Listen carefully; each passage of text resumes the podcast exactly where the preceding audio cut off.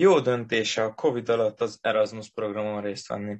Erről beszélgetek Kasó Gergő Leventével. Az egész egyetem alatt én el akartam mindenképpen jutni egy Erasmusos fél évre, illetve hát részt venni egy, ezen a programon, mert úgy gondolom, hogy ha az egyetem, illetve a, a rendszer az kínál egy ilyen lehetőséget, akkor élni kell vele.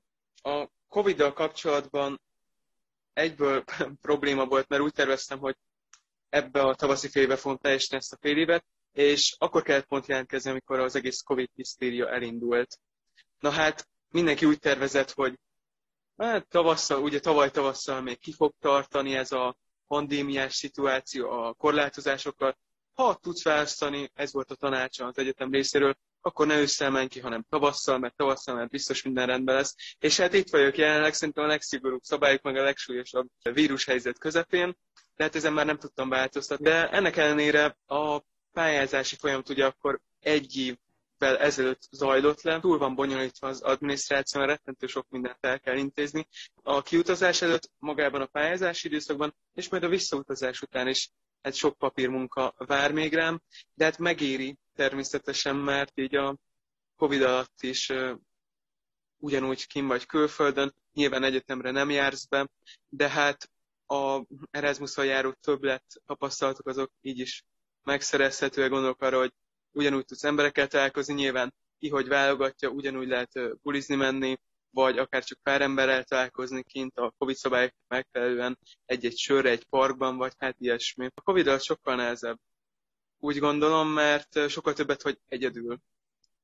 És nyilván egyedül vagy, mert hát a hétközben is online vagy a számítógép előtt az órákat hallgatod, meg hát, ha kicsit tartasz a, a járványtól, a vírusra, akkor azért próbálsz határokat szabni így a szociális dolgoknak. Mennyire van durva szabályozás Lengyelországban? Kint, illetve szerintem egész Európában, amikor kiutaztam, lazábbak voltak a szabályok, ahonnan jöttek a, az ismerőseim, barátaim, Erasmusos hallgatótársaim. Viszont Lengyelországban március 20-tól körülbelül olyasmi szabályokat vezettek be, mint, mint Magyarországon, kivéve a kiállási korlátozást. Szerintem az egész Európában nem létezik, csak hazánkban, Magyarországon, mert ez biztos hasznos dolog. Az ismerettség tekintet van egy PADIM, azt a Lengyel Egyetem, illetve az Erasmus Posztegyetem generálja neked. Ő minden problémában segít, kereshetem bármikor, illetve nagyon jóba lettünk, szóval közös, közösen is megyünk turistáskodni, úgymond ő vezet, én meg fényképezkedek. Annyit még akarok mondani, hogy az Erasmusosok pedig Hát igazából főleg itt a spanyolok, illetve törökök vannak. Hogy vettétek fel egymással kapcsolatokat? Szerencsére az egyetem meg tudott szervezni egy orientációs hetet, így március első hetében. Ott igazából 60-70-en részt vett, elmentünk az átkerbe, akkor mindannyian ott voltunk. Szóval így meg tudtuk ismerni egymást, és ez, ennek nagyon örülök, mert nélkül hát nehezen lehetett volna kapcsolatot kiépíteni. Lesznek még ilyen nagyobb közös programok? A hét az nagyon tartalmas volt ebből a szempontból, tehát elmentünk múzeumokba, bejártuk a várost, kisebb csoportokban beülni valahova, egy-egy étteremben megismerkedni. Az egyetemre ugye kincse lehet bejárni, ez, ez mennyit vesz el magából a, a tanulmányi folyamatból? Úgy gondolom, hogy Erasmusos hallgatóknál hatványozottan igaz, de nyilván egyeteme válogatja. Én, ha mondhatom ezt úgy, utaztam, meg választottam ki az egyetememet, hogy nem feltétlenül akarok megszakadni a tanulmányokban.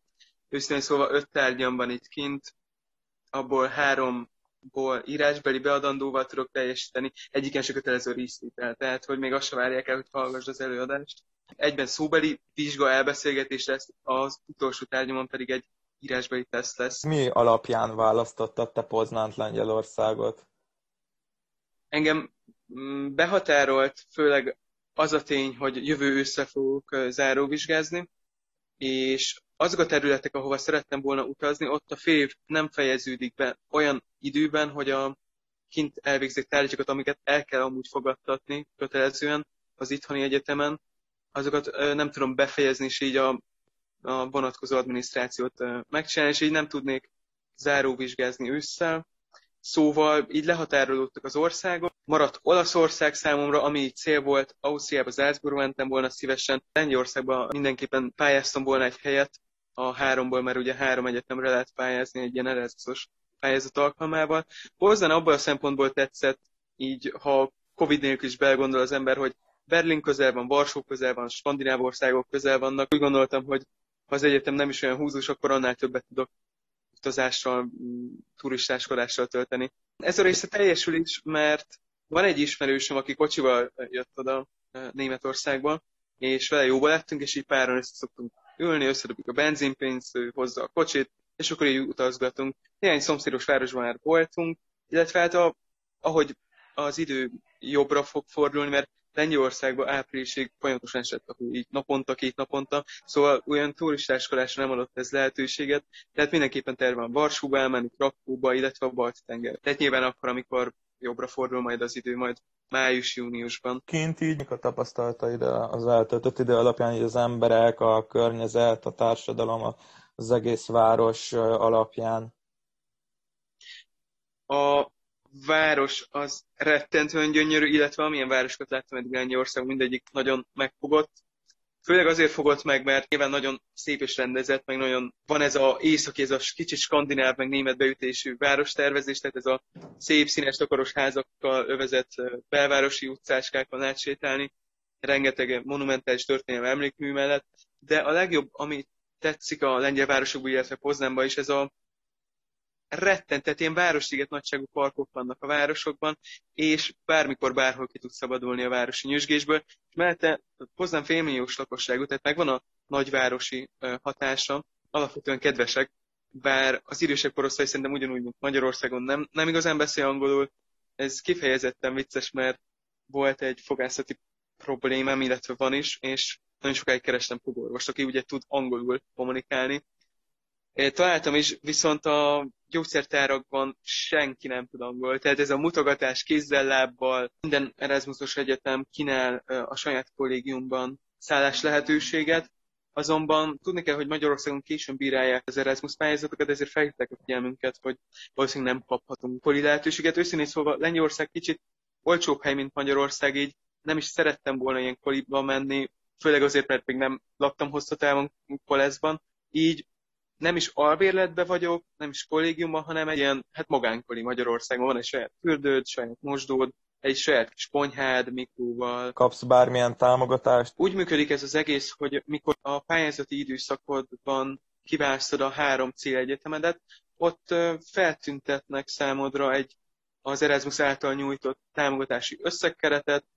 Ez havi összegre lebontva. Lengyelországban én havi 470 eurót kapok, az Erasmuson keresztül. Lengyelországban bőven elég a lakhatás, lehet pályázni egyetemi kiegészítő támogatásokra, annak pont várom az eltén az elbírálását. Szerencsére családom támogat, szóval a megélhetésem másik részét ők fedezik. Ez nagyon tetszik Lengyelországban, lehet szociális életet élni, normális módon. Megélhetés, illetve bevásárlás, sörök 200 forint alatt bőven vásárolhatóak, iható minőségben, tehát itthon sopronit akarsz venni, ez lassan már 300 forint, kint 200 forint alatt jobb minőséget is tudsz venni. Tehát nem csak ugye az alkohol részéről, hanem a kenyére sokkal olcsóbb volt. Te, mint sörgyártó, tudom, milyennek ítéled meg a kinti söröket? Én rettentő sokat olvastam kiutázás előtt arról, hogy milyen craft sörök, milyen craft helyek vannak Poznánban, meg úgy Lengyelországban is, és nagyon tetszett, amit, amivel találkoztam így az interneten. Sajnos még csak a, a multiknak a termékeivel találkoztam, nem találtam egyszerűen még